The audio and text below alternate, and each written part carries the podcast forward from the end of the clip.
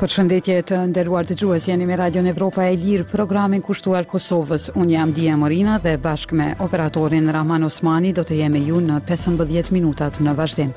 Fillimisht ju njohim me titujt kryesorë. Paga të dyfishta e kontrata fiktive, ku shkoi buxheti i Kosovës për komunat serbe. Në Rusi ka shenja të stresit politik dhe social, thotë William Courtney, studiues i lartë në Rand Corporation, institut me bazë në SHBA. Më gjerësisht lidhur me këto, qëndroni me ne. Radio Evropa e Lirë është media e pavarur amerikane e themeluar nga Kongresi i Shteteve të Bashkuara të Amerikës. Misioni ynë është promovimi i vlerave dhe institucioneve demokratike. Buxheti disamilionë euro që çdo vit i është ndarë komunave me shumicë serbe në Kosovë për paga në arsim dhe shëndetësi është shpenzuar në forma të dyshimta. Punëtorët e këtyre dy sektoreve që kontrollohen nga Serbia marrin po ashtu paga nga ky shtet. Gazetarja Doruntina Baliu sjell raportin në vazhdim. Dhjetë komuna me shumicë serbe në Kosovë kanë pranuar ndër vite fonde nga buxheti i Kosovës për paga të punëtorëve në sistemin arsimor dhe shëndetësor. Megjithatë, këta dy sektorë në këto komuna punojnë kryesisht nën sistemin e Serbisë dhe pranojnë paga edhe nga buxheti i këtij vendi. Radio Evropa e Lirë ka gjetur se në disa raste, buxheti i Kosovës i ndarë për ta, është shpenzuar në forma të dyshimta. V.J., qytetar serb i komunës së Leposaviqit, pjesa veriore e Kosovës, ka pranuar dy paga si punëtor i një shkolle në këtë komunë për së paku 10 vjet, deri në vitin 2018. Në 10 komuna të Kosovës që banohen në shumicë nga serbët, përfshirë Leposaviqin, sistemi arsimor punon sipas plan-programit të Serbisë. dhe pranon fonde drejtpërdrejt nga buxheti i Serbisë. Duke folur për Radion Evropa e Lirë, V.J. tregon se në vitin dy mijë e shtatëmbëdhjetë ka marrë një kontratë me kohë të pacaktuar nga komuna, sipas ligjeve të Kosovës, edhe pse ka pasur një kontratë aktive me sistemin serb. Edhe para asaj kontrate kemi marrë paga nga buxheti i Kosovës. Atëherë kemi marrë para pa asnjë kontratë. Të gjithë punëtorët në sistemin serb kanë marrë para pa kontratë dhe pastaj i kemi marrë kontratat nga Kosova, thotë VJ. Në shkurt të vitit dy mijë e tetëmbëdhjetë, shton ai, pushteti i ri lokal në Leposaviq, i kryesuar atë kohë nga Zoran Todiq i Listës Serbe, ua ka ndaluar të ardhurat nga buxheti i Kosovës, pa ndonjë arsyetim, sipas tij. Në institucionet serbe të arsimit në Kosovë, të cilat funksionojnë që nga paslufta më një mijë e nëntëqind e nëntëdhjetë e nëntë, punëtorët, përveç pagës bazë, marrin edhe një shtesë nga shteti serb, që nënkupton se të ardhurat e tyre sillen nga nëntëqind deri në një mijë e treqind euro në muaj. Paga e mësimdhënësve në sistemin e Kosovës, ndërkaq, është nga pesëqind e tetëdhjetë deri mbi gjashtëqind euro. VJ thotë se nuk ka marrë kurrë ndonjë vendim për ndërprerje të kontratës me sistemin e Kosovës. Ajo pagë nga buxheti i Kosovës u është shpërndarë më pas disa njerëzve të Partisë, Listës Serbe, që nuk kanë punuar kurrë, por i kanë marrë rrogat. thotë VJ, pa specifikuar se kush saktësisht paguhet me atë pagë. Radio Evropa e Lirë nuk ka mundur t'i verifikojë në mënyrë të pavarur këto pretendime. Por për këtë çështje, VJ thotë se ka ngritur padi në Gjykatën Themelore të Mitrovicës, në fund të vitit dy mijë e njëzet. Sipas dokumenteve që ka siguruar REL-i përmes kësaj padie, ai ka kërkuar rikthim retroaktiv të pagave që kapin vlerën e rreth njëmbëdhjetë mijë eurove deri në kohën e padisë. Sipas avokatit mbrojtës të VJ, padia e tij nuk është shqyrtuar ende në Gjykatën e Mitrovicës, dega në Leposaviq, siç duket për shkak të mungesës së stafit. Radio Evropa e Lirë ka bërë përpjekje të kontaktojë ish-kryetarin e Leposaviqit, Zoran Todiq, në lidhje me ndërprerjen e pagesave për punonjësit e arsimit, por deri më tani ai nuk është përgjigjur. Todiq, i cili ka dhënë dorëheqje në vitin dy mijë e njëzet e dy, është edhe kryetar i Autoritetit të Përkohshëm Komunal të Leposaviqit, i cili punon nën sistemin serb. Deri në dorëheqje, ai ka marrë dy paga, një nga buxheti i Kosovës dhe një nga Serbia. Numri i saktë i punëtorëve arsimorë në Leposaviq nuk është publik. Edhe në publikimet vjetore të statistikave të arsimit, Ministria e Arsimit e Kosovës thotë se nuk i ka të dhënat statistikore për arsimin e komunitetit serb në Kosovë. Megjithatë, Kosova çdo vit ndan buxhet për të tridhjetë e tetë komunat e Kosovës, përfshirë për paga dhe shtesa në arsim dhe shëndetësi. Qeveria e Kosovës nuk është përgjigjur në pyetjen nëse e di apo ka monitoruar se si shpenzohet ky buxhet. As komuna e Leposaviqit që tani udhëhiqet nga kryetari shqiptar Lulzim Hetemi, nuk ka mundur të japë përgjigje se në çfarë mënyre shpenzohet ky buxhet. Hetemi tha se nuk ka informacione se si mund të jetë harxhuar buxheti paraprak i komunës.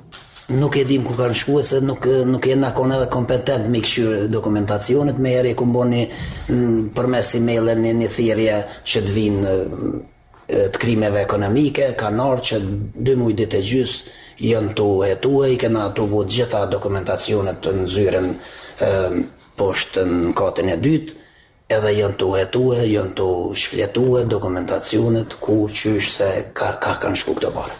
Policia e Kosovës konfirmoi për Radion Evropa e Lirë se ka nisur hetime rreth keqpërdorimeve në komunën e Leposaviqit dhe se është në fazën e mbledhjes së dëshmive. Hetemi tha se po bëhen përpjekje që stafi i shkollave në gjuhën serbe të integrohet në institucionet komunale të Kosovës. Burime të Radios Evropa e Lirë kanë treguar se në një komunë tjetër me shumicë serbe në jug të lumit Ibër, persona që kanë marrë kontrata mësimdhënësish ushtrojnë në fakt pozita të tjera brenda komunës. Për Radion Evropa e Lirë nga Prishtina, Doruntina Baliu. Shkarkoni aplikacionin e Radios Evropa e Lirë në App Store dhe Google Play. Dy vjet pasi Rusia ka nisur pushtimin në shkallë të plotë të Ukrainës, në këtë vend ka shenja të stresit politik dhe social, thotë William Courtney, studiues i lartë në Rand Corporation, institut me bazë në SHBA. Në një intervistë dhënë Radios Evropa e Lirë, ai thotë se ndryshimi i regjimit në Rusi është një mundësi, por shprehet i kujdesshëm në bërjen e parashikimeve. Intervistën me të e ka realizuar kolegja Valona Tela. Të shtunën bëhen dy vjet prej se Rusia nisi pushtimin në shkallë të plotë të Ukrainës. Cila është gjendja aktuale e luftës? Lufta është në një ngërç si në Ukrainën lindore ashtu edhe në atë jugore. Gjatë vitit të kaluar asnjëra palë nuk ishte në gjendje të ndërmerrte ndonjë ofenzivë të suksesshme kundër palës tjetër, pra duket pak si ngërç i Luftës së Parë Botërore. Periudha kur aleatët dhe as fuqitë qendrore nuk mund të dilnin në avantazh në frontin perëndimor. Në betejën detare, megjithatë, Ukraina është në ofenzivë. Ajo ka fundosur shumë anije luftarake ruse, ndërsa një e treta e flotës ruse të Detit të Zi është fundosur. Pjesa tjetër është zhvendosur në pjesën lindore të Detit të Zi nga friga se mund të fundoset nga dronët e Ukrainës. Pra, kjo është një pikë vërtet e ndritshme. Dhe për rrjedhojë Ukraina ia ka dalë t'i rikthejë. Dërgesat e grurit deri në nivelin e pasluftës, pastaj vjen lufta ajrore. Një zhvillim interesant i kësaj është se asnjëra palë nuk ka mundur të fitojë epërsinë ajrore mbi territorin e kontrolluar nga pala tjetër. Në fillim të luftës Rusia me një forcë ajrore më të madhe dhe më moderne mendohej se do të fitonte epërsinë ajrore mbi Ukrainën. Kjo nuk ndodhi sepse mbrojtja ajrore nga toka ka qenë aq e fuqishme në të vërtetë nga të dyja anët, saqë avionët e asnjërës palë nuk kanë arritur të fluturojnë shumë mbi territorin e palës tjetër. Pra, lufta duket ndryshe nëse flasim për atë në nga toka, deti apo ajri. Po cilët faktorë kanë kontribuar në këtë ngërçin aktual?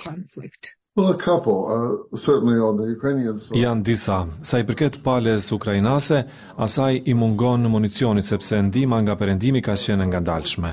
Por çështjet më sistematike përfshirë edhe transparencën në fushën e betejës. Të dyja palët kanë dronë vëzhgimi, Ukraina fillimisht ka qenë në epërsi, por Rusia e ka zënë hapin.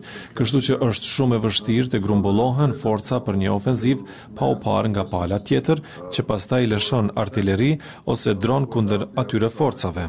Kjo ka bërë që betejat të jenë më të decentralizuara dhe që këmbësoria të marrë rol më të madh se automjetet e blinduara, sepse këmbësoria shihet më vështirë në fushëbetejë dhe arrin të lëvizë pak më mirë. Rol ka pasur edhe mbrojtja ajrore nga toka. Siç e përmenda, askush nuk ka pritur që mbrojtja e Ukrainës do ta pengonte Rusinë për të fituar epërsi ajrore. Russia from getting air superiority. Sa i përket frontit ndërkombëtar, a mendoni se mbështetja për Ukrainën është duke u venitur? Uh, uh, Njerëzit nganjëherë flasin për lodhje nga lufta në Ukrainë, por ne nuk shohim shenja lodhje as në Evropë as në Shtetet e Bashkuara. Bashkimi Evropian sapo ka miratuar pesëdhjetë miliardë dollarë ndihmë për Ukrainën, pas një vonese të shkaktuar nga kundërshtimi i kryeministrit hungarez Viktor Orban. Në Shtetet e Bashkuara shohim kundërshtimet e disa në Dhomën e Përfaqësuesve për arsye të ndryshme. Për shembull, një numër njerëzish nga ekstremi i djathtë besojnë se Shtetet e Bashkuara të Amerikës duhet të shpenzojnë më shumë para për sigurinë kufitare dhe jo për të ndihmuar Ukrainën, por Por nëse votimi zhvillohet duket se shumica e demokratëve do ta mbështesin ashtu si edhe gjysma e republikanëve. Pra çështja kryesore është të mbahet votimi për ndihmën. Nëse ai ndodh, ka të ngjarë të miratohet me një diferencë të madhe në Dhomën e Përfaqësuesve dhe me shumicë dërrmuese në Senat.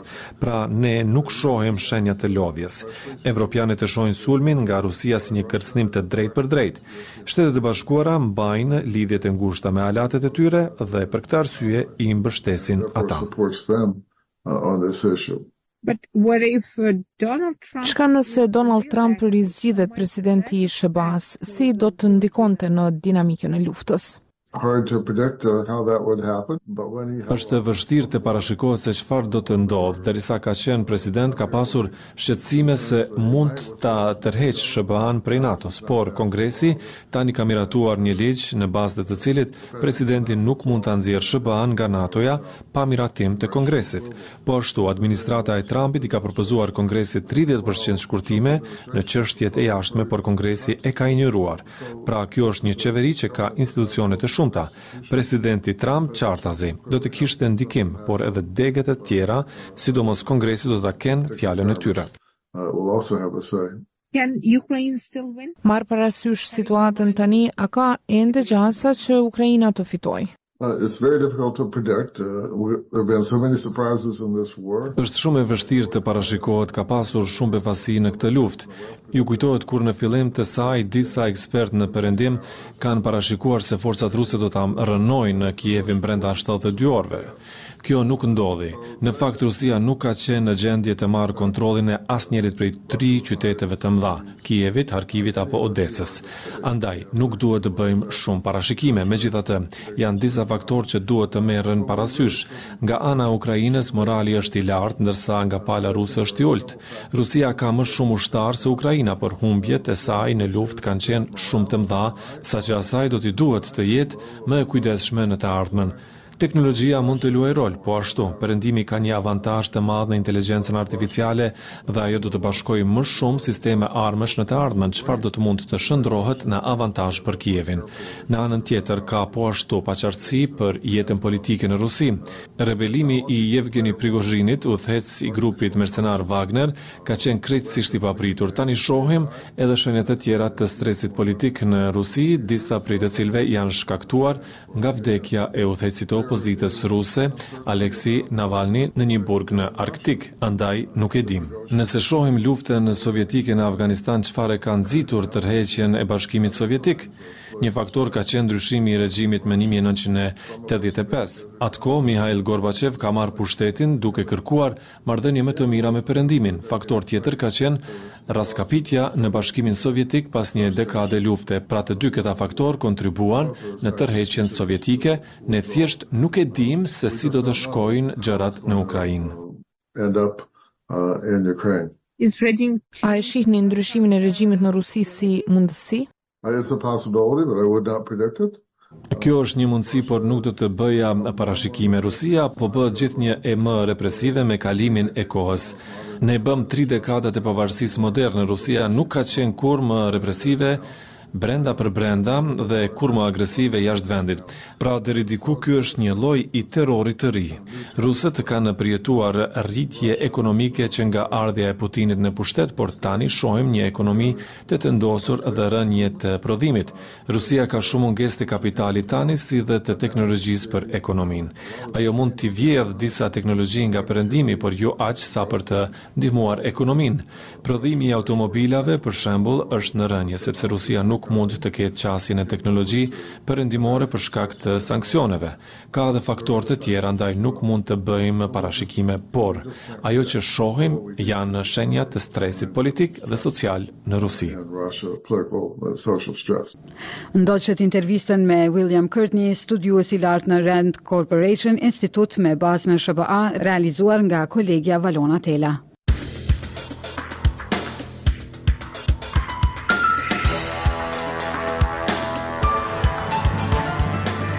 Ishen këto të gjitha materialet e përgatitura për edicionin e mesditës. Bashkë dëgjohemi në orën 16.